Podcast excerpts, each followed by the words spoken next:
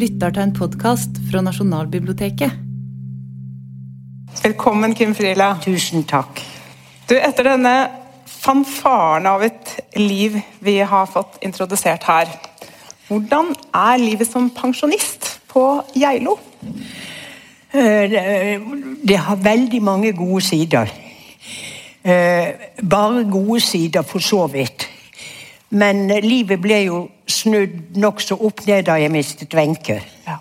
Først så ga jeg bort biblioteket mitt til Skeivt arkiv. Så ble hytten overført til de unge, og så forsvant Wenche. Og det var en veldig, veldig tung Og det ble et helt nytt liv. Men, eh, men jeg er ikke sånn som setter meg i en stol og stirrer. Så jeg fant ut at jeg kunne ikke vente at noen skulle komme til meg. Jeg måtte gå ut. Så jeg går på eldresenteret, som alle gamle damer gjør. Eh, Seniorsenteret kaller jeg det for istedenfor velferdssenteret. Det syns jeg høres så nitrist ut, så jeg kaller det for seniorsenteret. Og så går jeg i noe som heter 90-klubben. Der er alle fylt 90 år, men jeg fikk dispensasjon og slapp å gå opp til prøve. Jeg fikk komme direkte inn. Og ellers så går jeg på Spar og setter meg ned ved et av sladrebordene hvor folk sitter og koser seg og sånn. Så jeg har en god, god pensjonisttilværelse. Og så langt ryggen når dette holder, så, så reiser jeg og sier ja takk til en hvilken som helst invitasjon. Det er vi veldig glad for.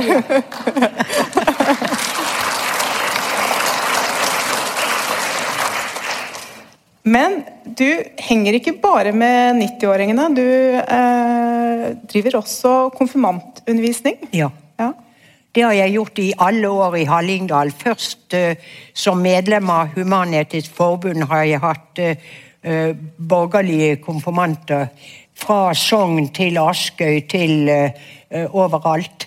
Men så ble den undervisningen flyttet helt ned til Ål. Og jeg kjører ikke bil, heldigvis, for andre iallfall. Uh, men så hanket kirken meg inn. Jeg som ikke var medlem. Men så kom sognepresten i Geilo kirke og sa at vi har fått et tips fra den forrige presten her, at vi må få tak i deg, så du kan komme og, og, og snakke med konfirmantene våre. Så nå har jeg de siste fem, seks, syv årene hatt eh, 50 konfirmanter om våren og 50 konfirmanter om høsten. Og da har jeg sagt til presten at du får heller la være å være her hvis ikke du tåler det. Jeg bruker ikke latinske uttrykk. Jeg sier det som det er, slik en 17-åring eller 16-åring ville gjøre det. Glimrende, og jeg elsker ungdommene. Du eh, driver også høytlesning fra den eh, boken vi skal snakke om Ja i da, ja, ja da, det gjør jeg. Eh, det gjør du for seniorene. Ja, det gjør jeg for seniorene. 90-klubben også. Ja, 90-klubben Ja. også. Er det en fortelling de trenger å høre? Ja, det, det mener jeg. Nå syns jeg at eh, den eldre generasjonen i dag er jo, ja, for å si det som jeg oppfatter det, mye bedre skolert enn f.eks. mine foreldres generasjon. Eh, Kjære, de ville jo vært langt over 100 hvis de hadde levd. Men, men det må jeg si.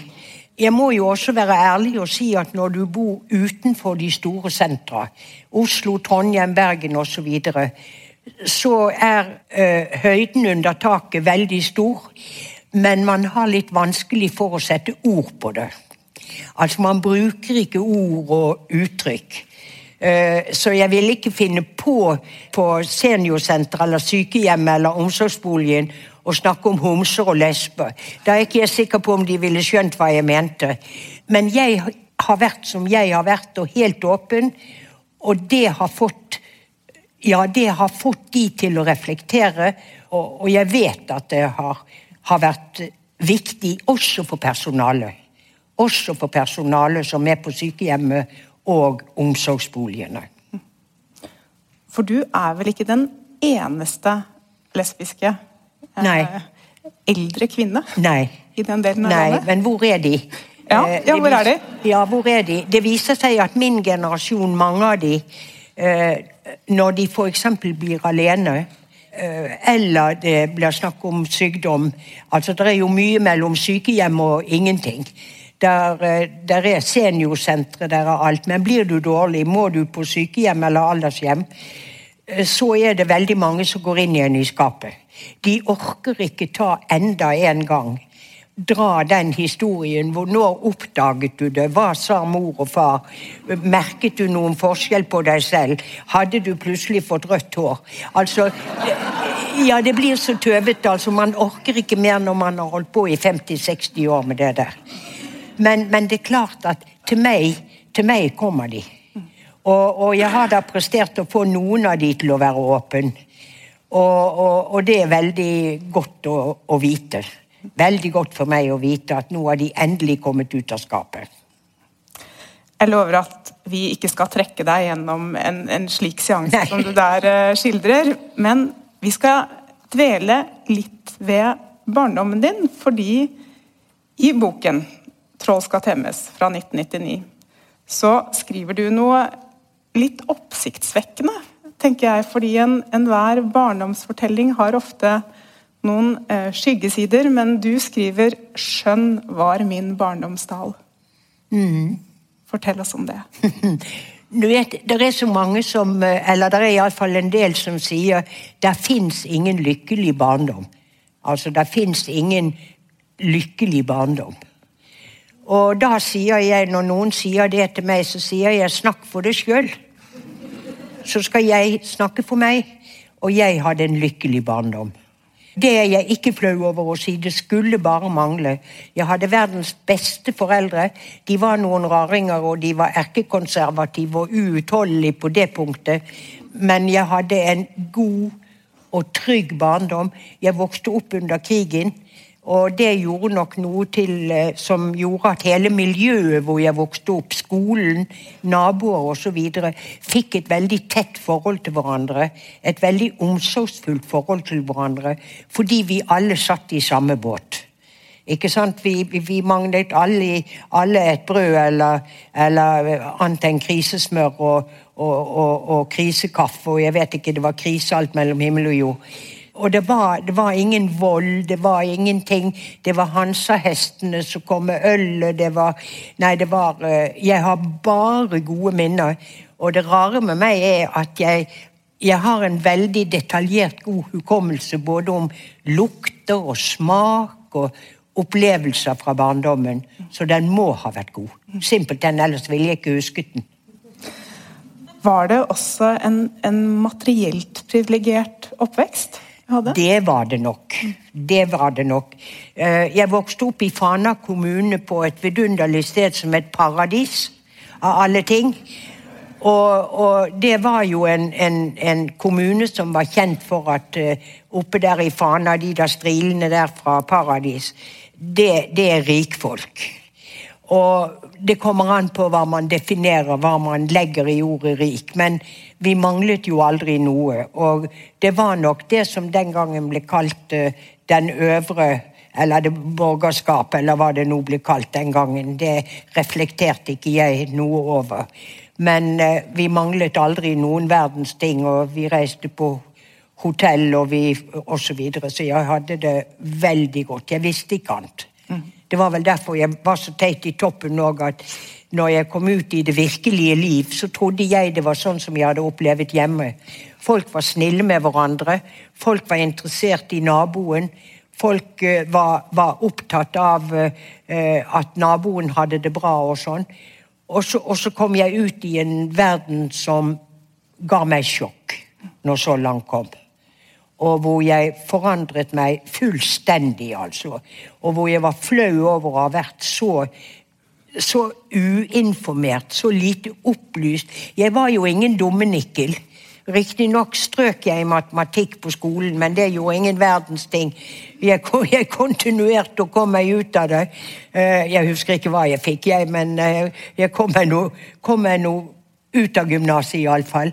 Og jeg var jo ikke dum, men jeg var politisk fullstendig likeglad, altså. Og jeg vet ikke om det preget mange av min generasjon. Det tror jeg ikke. Eh, men jeg var sånn. Tett i pappen.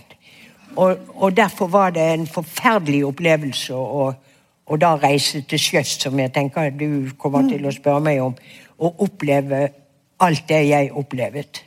Ja, for nå er vi i 1963. Ja. Da er du eh, 27-28 år gammel. 27 år. Ja. Og da mønstrer du på en båt. Ja. Eh, hva gjorde du på den båten? Absolutt ingenting. Min, min, min, min far jobbet i shipping, og han eh, eide denne båten. Og jeg mønstret på til ti øre dagen. Og så hadde jeg med meg et brev eh, hvor det sto 'To whom it may concern'. Uh, uh, altså Hvis jeg skulle komme opp på et kontor i et eller annet uh, fjernt land og, og, og levere det brevet 'to whom it may concern', så ville jeg få alle de pengene jeg trengte, osv., så, videre, og så, videre. så jeg kunne gå ut og spandere på alle gutta om bord og sånn. Og min far fikk regningen i ettertid. Det brød ikke jeg meg noe om, det kunne han gjerne få. Og, og jeg bodde Hadde en deilig lugar, og, og det var tolv mannfolk og jeg. Og jeg tok tak i dette greiene her med det samme jeg kom om bord. Eh, Jeg fikk nemlig besøk Jeg fikk nemlig besøk på lugaren allerede, allerede første kvelden. Og, og, og da var jeg ærlig og sa det at i min godtepose fins det ingen verdens ting. Og han så helt forskrekket på meg, men så, sa- så sa jeg det rett ut. Uh, og det var helt greit. det. Jeg tror han var veldig forvirret. Men så tok jeg roten ved onde ved å la onde ved roten, slik at jeg gikk i mannskapsmessa uh, til formiddagsmat, var det vel, formiddagsvakten. Og så sa jeg rett ut hvordan det var. Ferdig med det. Og hvis de ikke tålte det, så fikk de la være. Det var det samme for meg. Jeg var meg. Og vi fikk det mest fantastiske samholdet om bord. Jeg var jo til og med med noen av gutta på horehus. Jeg, jeg, jeg passet lommebøkene mens de skulle more seg. Men, men, men poenget var bare at lyset var godt på dette gledeshuset. Så vi endte opp med å sitte sammen med, med disse gledesdamene og, og drikke Johnny Walker whisky og i det hele tatt. Så skulle, så skulle vi gå om bord igjen i Alekto, som båten het. Og, og, og så kommer hun der gledesmammaen, hun som var sjef for stedet, bort til meg og sa at jeg skulle spørre for jentene om ikke du kunne bli igjen, du skal få det gratis. og, og jeg ble, jeg, jeg ble aldeles forskrekket. Og, så, og så drog vi nå av gårde og skulle gå om bord igjen i båten da, som lå ute på leden. Og da vi nærmet oss, så sto kapteinen ved rellingen. Og så var det en av disse mannskapene, han kom nordfra, så ropte han Jeg går aldri mer på horehus med Ofrile. Vi må betale, og hun får det gratis. Så, så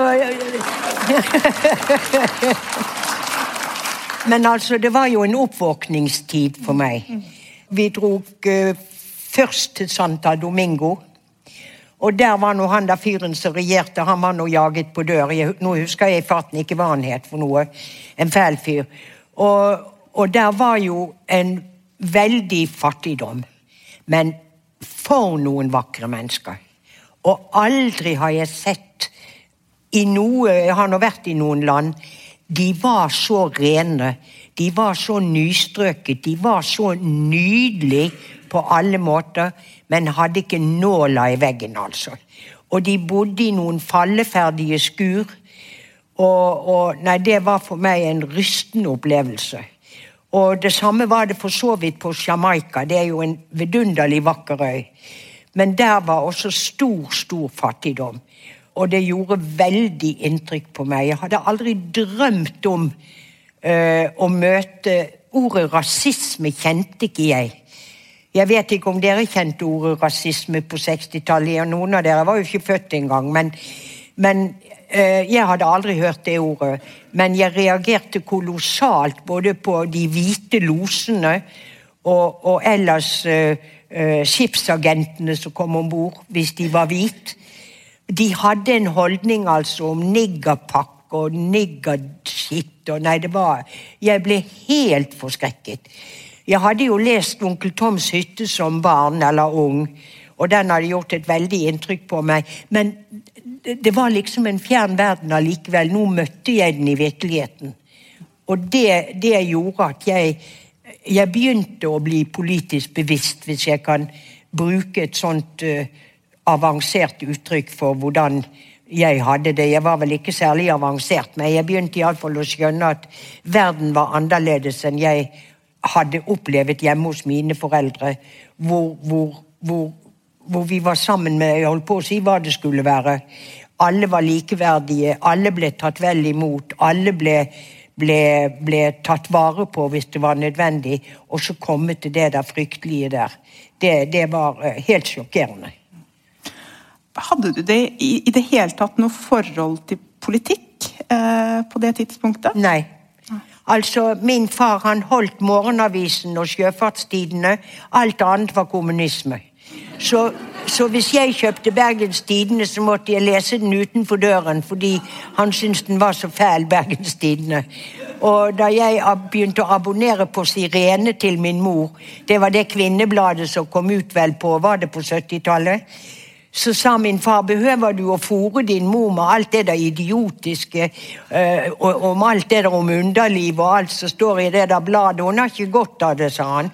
Så, så, så sa jeg hun får lov selv å bestemme hva hun har godt av. Altså, jeg modnet jo da politisk. Og det som var komisk, det skjedde jo i 69. Uh, jeg må innrømme det at jeg uh, hadde en Høyre-arv hjemmefra og alt annet, det, det, det, var ikke så bra. Var man et skikkelig menneske, så stemte man Høyre. Men, men det ble en veldig sånn greie inni meg at dette Og plutselig så fant jeg ut at, at det jeg gjør, må jo stå i forhold til det jeg tenker og det jeg mener. Og, og, og, den gangen så var liksom alternativet Det var ikke vinglevenstre, som vi kalte det for. Uh, og, så det naturlige for meg ble Arbeiderpartiet. Og i 1969 så gjorde jeg to drastiske ting. Én, jeg meldte meg ut av kirken. Uh, og to, jeg stemte Arbeiderpartiet for første gang. Og, og da var det min far da satt vi ved frokostbordet. Jeg, jeg, var hjemme hos mor og far på ferie, og så satt vi ved frokostbordet en septembermorgen. Og så sier far ja, du fikk vel stemt i år? Ja da, sa jeg. Jeg tok på meg mitt fineste tøy og gikk og stemte. Ja, du, du stemte vel sånn som du skal stemme? Ja da, sa jeg. Jeg stemte Arbeiderpartiet. Og min far ble helt, helt forskrekket. Og så reiste han seg fra frokostbordet og så sier han til min mor Ada, hørte du hva hun sa? Det der er jo mye verre enn at hun er homoseksuell. Så det var hans skrekkopplevelse. Så da, da, endte jeg der. Og det var et resultat av bl.a. den turen. Det samme året, i 1963, så er det en benk du stadig kommer tilbake til ved Holmenkollbanen. Mm. Kan ikke du fortelle hva den benken betydde for deg? Ja, jeg må først fortelle at jeg for å være snill mot min snille mor, så ble jeg med henne til psykiater. Torleif Kasa het han.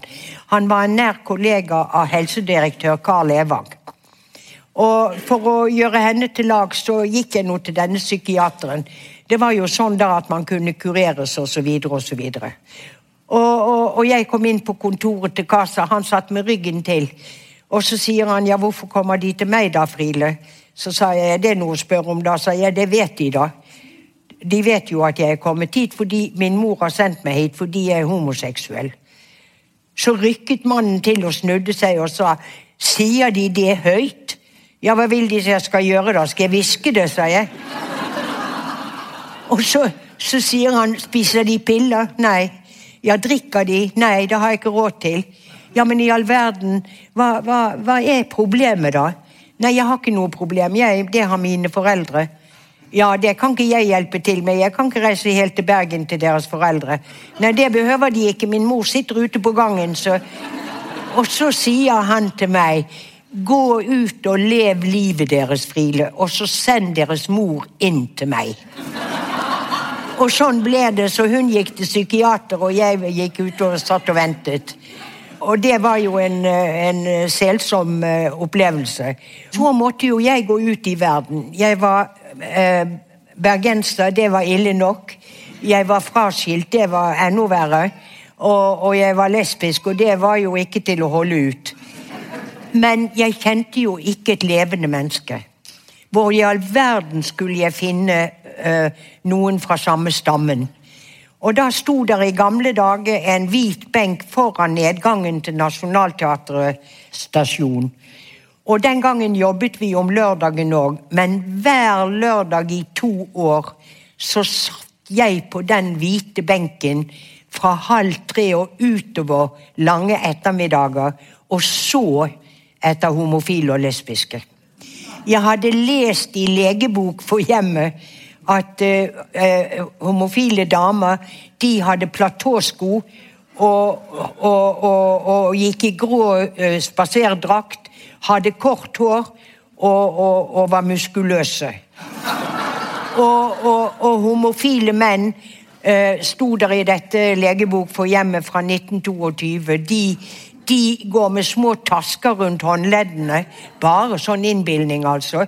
Og, og, og, og, vrikket på rumpen, og jeg husker ikke alt. Så jeg tenkte ja, det er jo ikke meg, så da, da er det jo umulig å få øye på de.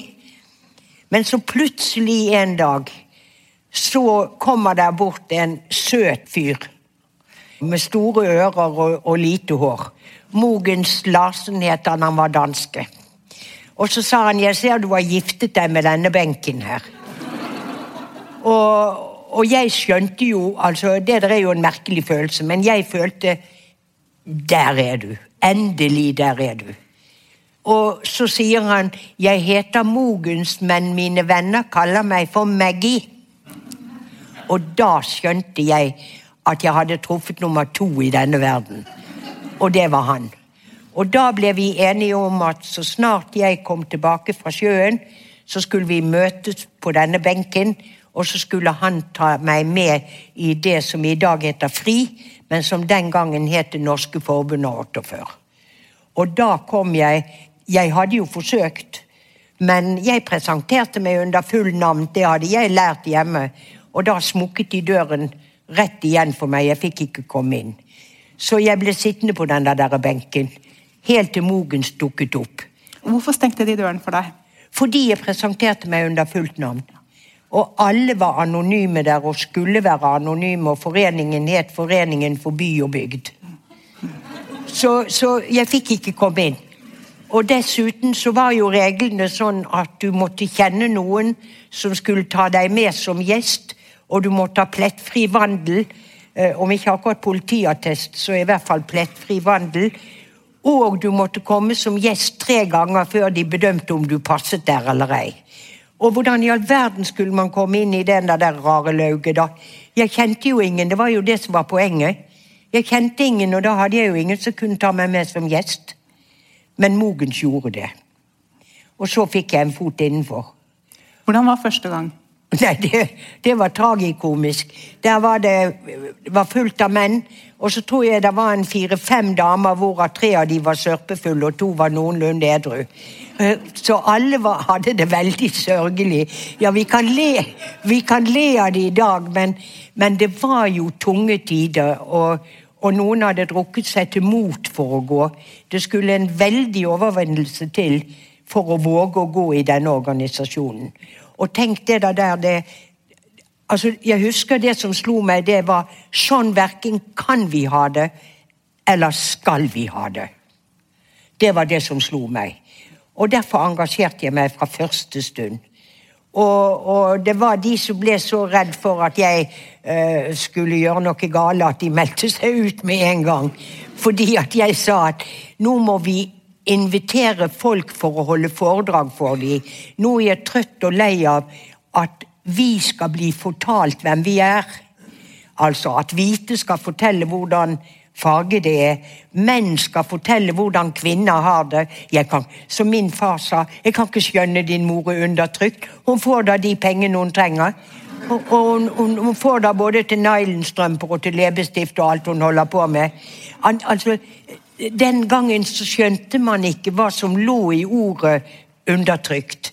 Det, det, trodde man var at mannen slo kona, og hun fikk ikke kostpenger, og hun ble stengt ute om natten og alt sånt noe. Og jeg forsøkte å forklare far hva det betød, hva det i realiteten betød.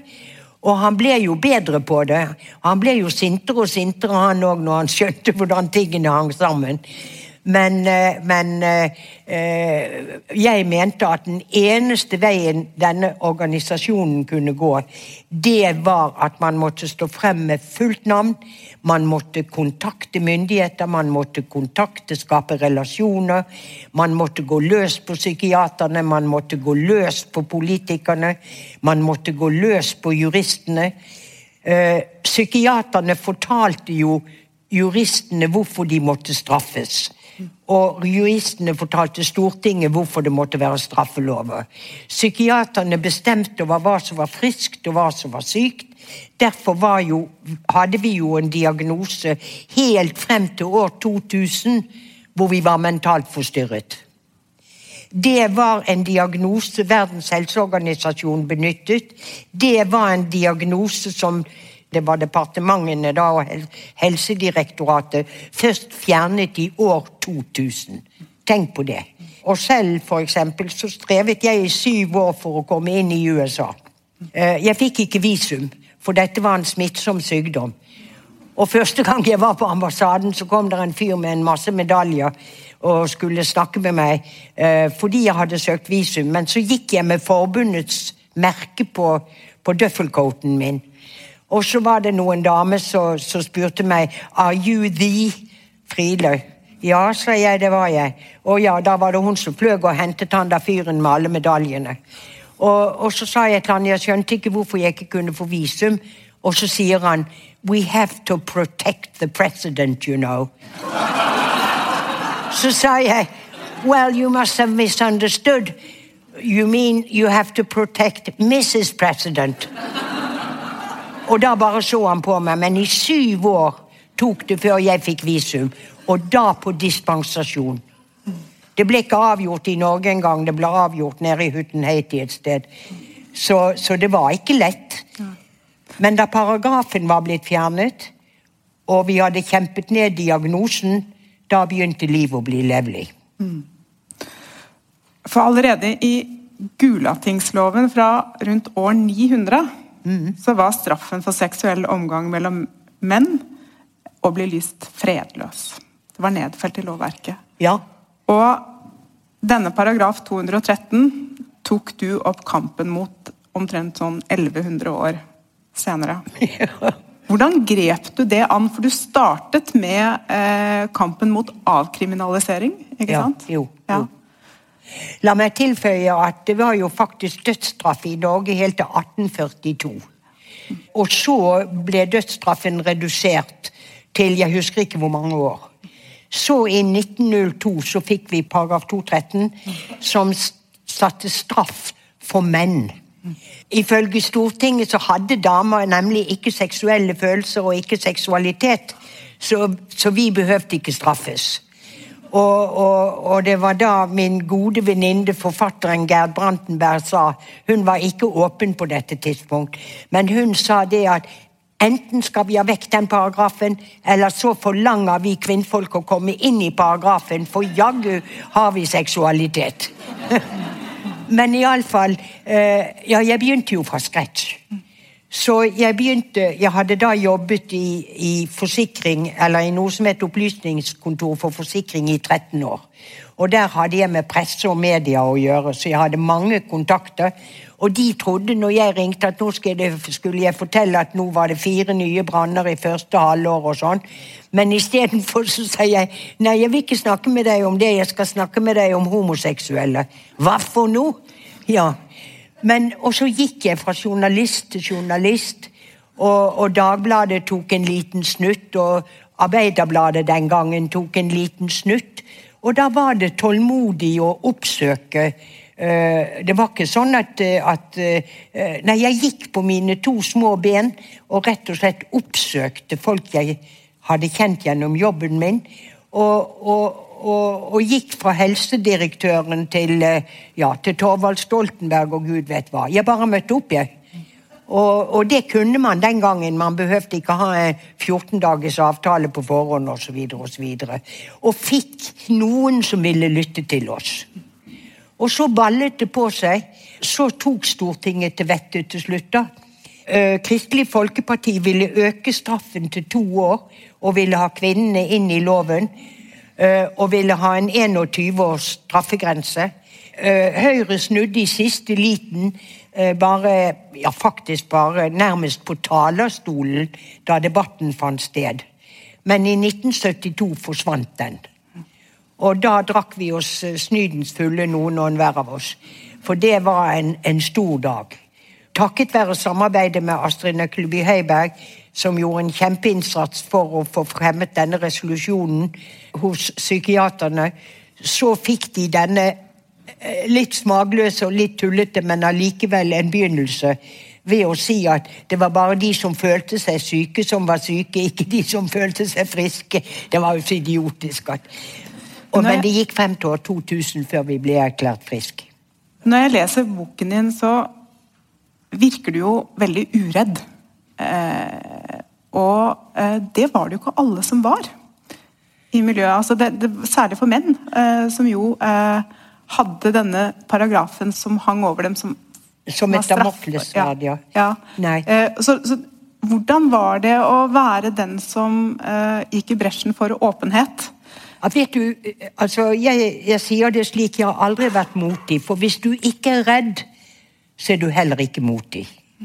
Og, og, og jeg, jeg, har vært mørkredd. Jeg er fryktelig mørkredd. Jeg går og kikker i alle kroker og krinkler om det skal være noe mystisk. Men overfor forsamlinger eller overfor fremmede eller et eller annet sånt Jeg har aldri vært redd. Jeg har aldri vært redd for å banke på helsedirektørens kontor eller bli sluppet inn og, og, trodde han skulle gå løs på meg eller slenge meg ut eller noe sånt. Men hverdagsheltene blant oss, det er de som er redde for å si det hjemme, redde for å si det til fotballaget osv., og, og allikevel gjør det, de er motige. De er de som er motige, og som er hverdagsheltene. Jeg holdt på å si jeg er bare den jeg er, og har ikke fryktet, og, og derfor så eh, Jeg har ikke tenkt så veldig mye over det før på mine gamle dager at kanskje at jeg våget det og det har kommet noen til gode. Og, og det er selvfølgelig en behagelig tanke. Men, men jeg har jo syntes det har vært så gøy òg. Jeg tror jeg trives når det er litt sånn skuddermudder og litt sånn å hisse seg oppover. Jeg tror jeg er den typen som, som må ha litt krutt innimellom. Mm. En, en, ting er at du ikke var redd for å uh, gå inn de ulike dørene, men hvilken argumentasjon brukte du? Hvordan, uh, hvordan grep du arbeidet an for å få folk med deg på avkriminalisering? Ja, det, det er jo det sunne bondevett. Altså Et argument husker jeg jeg brukte en gang i justiskomiteen på Stortinget. Det var jo at man sperrer da ikke inne syke folk. Nei, det måtte de jo være enig i. Ja, men vi har jo en sykdomsdiagnose, at vi er mentalt forstyrret. Hvordan kan dere ha hjerte til å sperre mennene våre inne i ett år, da, hvis de er mentalt forstyrrete? Nei, det var jo noe i det, da. Og, og altså, det er veldig enkelt også at man, man, man, man føler i utgangspunktet at man har respekt for hverandre. Men det var jo en pussig historie da jeg skulle på Stortinget første gang. Eh, det skulle være valg. Og så eh, hadde radioen den gangen et program som het Partiene svarer. Det er kanskje noen av dere som husker det. Og da tenkte jeg nå ringer jeg. Nå ringer jeg inn og spør om de har tenkt å avskaffe denne hersensparagrafen. Da var det Lars Roar Langslett som, som satt ved mikrofonen. Men, men, før det, da hun da hallo-dama spurte ja, hva gjelder spørsmålet Ja, det gjelder å få avkriminalisert homoseksuelle, sa jeg. Og da ble hun så forvirret at hun sa nei, det er så mange i køen, så, så, dessverre. Og så tenkte jeg jeg gir meg ikke. Så, så hadde jeg den gangen mye familie i Sogn. Og jeg har vært der så mye at jeg kan litt sognemål. Og så tok, kom hun da dama igjen, og så spurte hun. Så sa jeg det at jo, det gjaldt å få komme inn og snakke om, om kjøtt- og fleskeprisene. Ja vel, sa hun, og så kom jeg inn. Og så var det Lars Roar Langslett, og så sa han det at Nei, jeg, jeg vet dessverre ikke noe om denne paragrafen, jeg frileser han. Men hvis vi vinner valget, så kom tilbake. Så vant de valget, og jeg var på tråden med en eneste gang. Og så fikk jeg en invitasjon å komme til justiskomiteen. Og, og, så skulle jeg først ta et forberedende møte med høyesterettsadvokat Endresen fra Stavanger, som satt i justiskomiteen. Han var fra Høyre. Han ble senere justisminister. Og, og, jeg kom til han, jeg møtte klokken ni på Stortinget, det var en februarkveld. Jeg hadde pels på meg og øredobber, og den gangen gikk man jo ikke i olabukser, man gikk i skjørt. Og jeg syns jeg så riktig pen ut. Og jeg satte meg ned og ventet, og, og jeg så at Endresen kom ned den der trappen. Og så gikk han rundt og kjekk i alle krokene og smilte og nikket til meg. Og, og gikk der, og jeg tenkte jeg reiser meg ikke, altså. Så gikk han bort til vakten, og så pekte vakten på meg. Og så kom han bort til meg og så sa han, 'Er det slik de ser ut?' Der, der hadde han tenkt seg en sånn kraftig en som skulle bære notene når han bar pianoet. Ja, altså Ja. Ikke sant? Altså, man forestilte seg en med kulemuskler og Men det var det første møtet i justiskomiteen. Og det ble flere møter. Høyre ville ikke gi seg. De ville fremdeles at det skulle være straffbart. De ville ikke ha likhet for loven. Eh, Arbeiderpartiet hadde en koselig representant den gangen som het Olav Totland. Han var prest i Bergen og satt for Arbeiderpartiet da. På et av møtene så kom vi inn på prostitusjonen ved kirkeristen. For det var jo så mange som var utsatt for, for vold, og som ble presset for penger. Men iallfall, vi fikk en sånn liten hvor jeg måtte fortelle, for jeg kjente en del av de prostituerte der nede. Snakket mye med noen av de guttene som prostituerte seg der nede. Og så, og så er det Så ti på halv ti så sier justiskomiteens formann nå, nå, nå er det gudstjeneste, uh, så du må gå, Olav. Så sier Olav Totland til formannen i justiskomiteen Nei, dette var så interessant, så i dag får Gud vente. Så det var jo mange, men, men, men, det liksom ballet på seg. Astrid Heiberg, så fikk jeg kontakt. Og så var jeg i dialog i Dagbladet med sjefpsykiater Arne Sund fra Forsvaret nede på Akershus, fra helsetjenesten der. Og så ballet det på seg. Og som sagt, jeg ringte. Uh, ringte og tilbød meg selv å holde foredrag. Ringte og ba om å få møte og få snakke sammen, for jeg mente det er det viktigste av alt. Det er ikke alle slags kronikker og alt mulig. Det er å, i respekt for hverandre, uh, føre en dialog.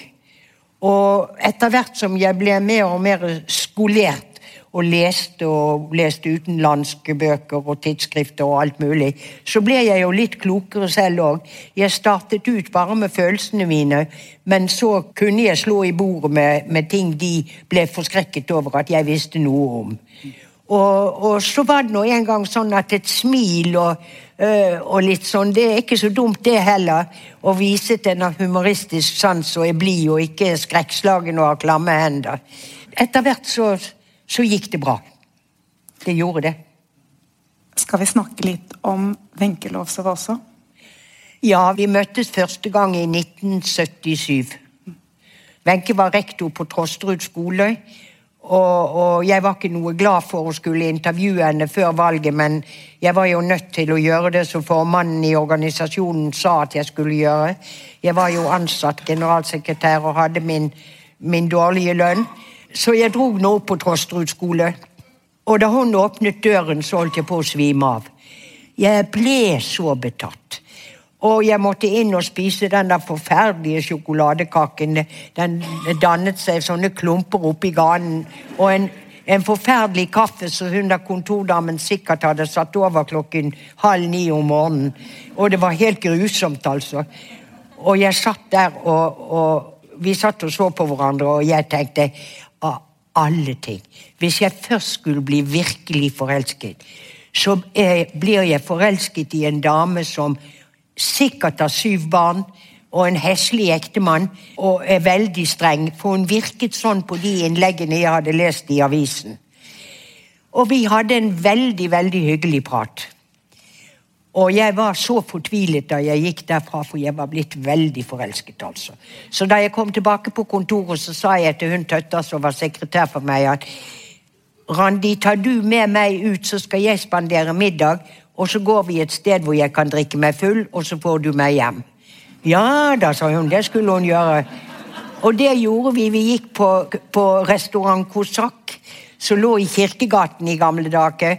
Og, og jeg ble helt på snørra. Og Randi kjørte meg hjem og fikk meg i seng.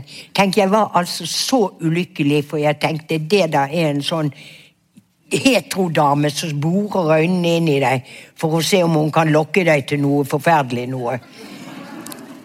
Og Så gikk det et par dager, og så ringte Wenche på telefonen og ville fortsette praten. Og så gikk det som det måtte gå, da, etter en måneds tid eller noe sånt. Så klarte ikke hun å holde tett lenger. Da kom hun ut av skapet for meg. Og da var jo jeg så glad at jeg kunne jo Ja. Og jeg elsket henne over alt på jorden, og hun var det skjønneste mennesket på denne kloden, altså. Og vi fikk jo nesten 40 år sammen. Hvor vi bodde sammen. Vi bodde på fjellet i elleve år. Det var ikke et menneske i nærheten av oss. Vi delte godt og ondt, og, og vi var ikke gjerrig på godordene. Vi var ikke gjerrig på kjærligheten. Vi, vi var i grunnen litt sånn barnslig, men vi var veldig, veldig flinke begge to til å, å virkelig vise hvor glad vi var i hverandre. Altså, denne ventesorgen var tung. Uh, hun var jo syk i tre-fire år, men jeg passet henne hjemme i to av de årene. Men så var hun i omsorgsbolig, og så gikk det stadig nedover. Ventesorgen var vond, altså, men ettersorgen har også vært veldig tung. Jeg har strevet veldig, men uh, jeg har ikke brukt noe altså Hjelpeapparatet sto jo til disposisjon, men jeg fant ut nei, dette må jeg klare sjøl. Og så må jeg ta sorgen også som noe positivt. Dette å føle sorg, det er jo fordi man har tilhørt noen. Hvis man ikke hadde noen å sørge over, da hadde man jo i grunnen vært temmelig alene, da. Mens sorgen, den er vond, men det å ha blitt elsket, og det å få tilhøre, det å få vite at et annet menneske ikke kan leve uten deg, eh, det er så stort at eh, den konsekvensen av tosomheten eh, har jeg alltid vært villig til å ta. For det er konsekvenser med tosomhet. Nemlig at det er jo sjelden at begge forsvinner samtidig. Og da, da må man takle det. Den prisen må man være villig til å betale, den sorgen som kommer. Og sorg skifter farve. Det er det sikkert mange som har erfart. Og den går aldri over, men du lever godt med den. Og jeg har så masse bilder av Wenche på kjøkkenet. Det er det første jeg sier om morgenen. det er 'God morgen, Wenche'. For det er noen som har sagt det ser jo ut som et mausoleum her. Ja, det skiter jeg i. Jeg skal ha Wenche med meg overalt. Så jeg har fryktelig mye bilder av henne. Jeg føler jeg har kontakt. Jeg føler hun røsker i meg når jeg blir urimelig. Jeg, for jeg snakker litt med meg selv og debatterer, og da syns hun av og til jeg er veldig urimelig med meg selv. Og det er jo litt godt, da. Da du fant eh, kvinnen i ditt liv, ble retten til å inngå partnerskap viktig for deg?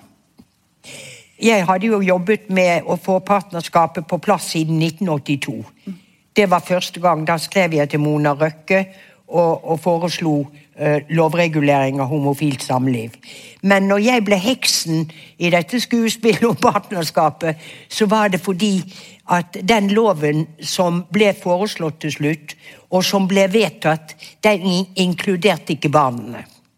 Så jeg hoiet og geberdet meg eh, på den måten jeg pleide å gjøre når jeg var uenig. Jeg mente at eh, vi som hadde det bra, eh, vi, vi, måtte ikke glemme at mange lesbiske hadde barn. Eller ønsket seg barn, men brakte barn inn i forholdet. Og jeg syns det var helt urimelig at de barna skulle være rettsløse, og at dette skulle være en lov for voksne mennesker. Det betød altså at den sosiale moren ville ikke få noe ansvar for partnerens barn hvis det ble sykdom eller død. Eh, barnet ville tatt, blitt tatt ut av det forholdet og sendt til besteforeldre eller en onkel og tante. Og jeg reiste buss. Jeg ville ikke være med på det. Jeg mente vi måtte vente til vi fikk stebarnsadopsjon, eller som i dag, eh, rett til å adoptere hvis vilkårene er til stede og du er egnet til å oppdra barn. Eh, så det ble litt mye spetakkel om meg, da. Eh, krig både i fjernsyn og overalt. Men, eh, men så kom nå partnerskapsloven, og Wenche og jeg var ærlige. Vi sa at følelsene må vi ta vare på selv. Kjærligheten må vi dyrke selv. Godheten må vi vise hverandre. Det kan ingen lov gjøre for oss. Men vi har gjeld, vi har hus, vi har forpliktelser. Ja. Tryggheten som følger med partnerskapet, den vil vi gjerne ha. Og jeg fikk rett. Og da pleide jeg å si til min far det er da ikke noe du behøver å være forbauset over. Det gjør jeg som regel. Ti år etter det jeg hadde sagt, så gikk organisasjonen som i dag heter FRI, ut og sa vi vil ikke lenger finne oss i å ha en B-lov. Vi vil inn under ekteskapsloven. At vi får en alminnelig eh, holdt på å si kjønnsløs ekteskapslov. Eh, jeg hadde håpet vi kunne få en lov som het eh, norsk samlivslov eller et eller annet sånt. For i dag er det jo så mange forskjellige forhold. Men iallfall ti år tok det før barna ble tatt høytidelig, før barna fikk rettslig trygghet, før barna ikke behøvde å frykte å bli tatt ut av hjemmet eller skilt fra søsken. Men det, det liksom er glemt. Altså Den delen av historien den er glemt, og så ble vi alle lykkelige og drakk saften vår og hadde hatt en fin dag. Ja, men sånn var det. Men vi gikk ikke over til ekteskapet, Wenche og jeg. Og, og, det var litt sånn trass. Eh, litt sånn feministisk trass. Men som jeg sa i et møte eh, oppe i Trondheim Nei, jeg skal ikke la meg inseminere, så jeg behøver ikke ekteskapsloven. Og, og, og det skjønte de nå ikke riktig. Men partnerskapet dekker jo alt. Og nå, gudskjelov, har vi fått ekteskapsloven hvor barna har trygghet og alt dette som hører til. Så Gud velsigne de som klarte å få det til. Hvor i dag vil du si at uh, homofile og lesbiskes uh, rettigheter er under press, eller holdninger de møter? Uh, du var inne litt på dette med bygd og by. Eh, ja, det, ulike miljøer, idrett. Ja. Altså, vi har så lett for å tro at alle har det som man har det i Oslo eller Bergen eller Stavanger eller Brevik eller Trondheim. Men det er jo ikke slik. Jo lengre ut i Utkant-Norge du kommer, så er det for det første veldig avhengig av at én person er nok. Hvis én står frem på et lite sted, så dukker nok flere opp. Men det er helt avhengig av at det blir én pære som lyser, for å få andre til å følge etter.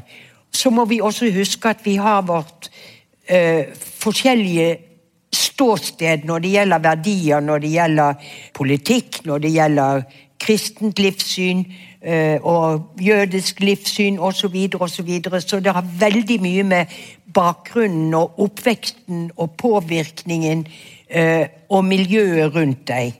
Så der står det mye opplysningsarbeid igjen, men jeg syns organisasjonen FRI jobber veldig bra. Det vil jeg gjerne understreke med store bokstaver. Og De har forskjellige grupper, og de tar tak så godt de kan over hele landet. Men man er jo avhengig av veldig mye frivillig innsats og frivillig arbeid. Men de gjør det aldeles storartet, syns jeg. Eh, men hvis du ser nå nedover i Europa, så er det skummelt. Eh, hvis du går til Ungarn, og du går til, eh, til Russland, og du går til Romania osv., osv., så, videre, så er alt snudd på hodet. Og det er snakk om forbud, det er snakk om straff. frihet og rettigheter det er ikke noe Det, ikke noe, det kommer ikke rennende til deg på et trefjøl. Det er noe du må tilkjempe deg. Det har det vist, enten det er arbeiderbevegelsen eller hva. Det er noe man må slåss for, noe man må kjempe for, og så må man ta vare på det og verne om det. Det nytter ikke å gå inn og låse, uten å låse døren. Da kommer det noen og tar det fra deg, det du har oppnådd. Og, og, og det er slik her også, at vi må verne om det. For hvis vi ikke gjør det, og ikke har folkemeningen med oss, da vil en hvilken som helst regjering kunne gjøre hva de vil. Og, og, uten å bli partipolitisk, så må jeg jo bare få lov å si, og det sier jeg helt personlig privat, at jeg bryr meg ikke om at man er begynt å ville forandre abortloven. La meg si det. Og det er også da noe i tiden som gjør at å skulle gjøre det fenger. Og det kan jeg ikke forstå, og for meg er det et litt urolig moment at man vil frata kvinnen retten, osv., osv. Og, og det er det jeg tenker med oss òg, at vi kan jo en gang komme til å få en regjering, da er nå jeg vandret heden, men det kan jo i fremtiden komme en regjering som sier nei, vi vil ha innføre straffeforbud. Vi vil ha forbud mot dette. Dette vil vi ikke ha. Vi ser det mange, mange, mange land i verden. Og vi skal prise oss lykkelig for at vi har en sånn ålreit nasjon og sånne flotte folk som hører til her. Men vi må ikke sovne. Vi må ikke sovne. Jeg er sikker på at jeg har mange med meg eh, når jeg sier at jeg gjerne skulle sittet her i tre timer til sammen med deg. Men nå er vår time omme. Men jeg lurte på om vi kunne få lov til å avslutte med det som er ditt livsmotto. Om du kunne dele det med oss? ja, det kan jeg godt. Jeg, jeg, jeg, jeg har som livsmotto at den kvinne som har vært elsket, hatet og misunt, har levd et godt liv.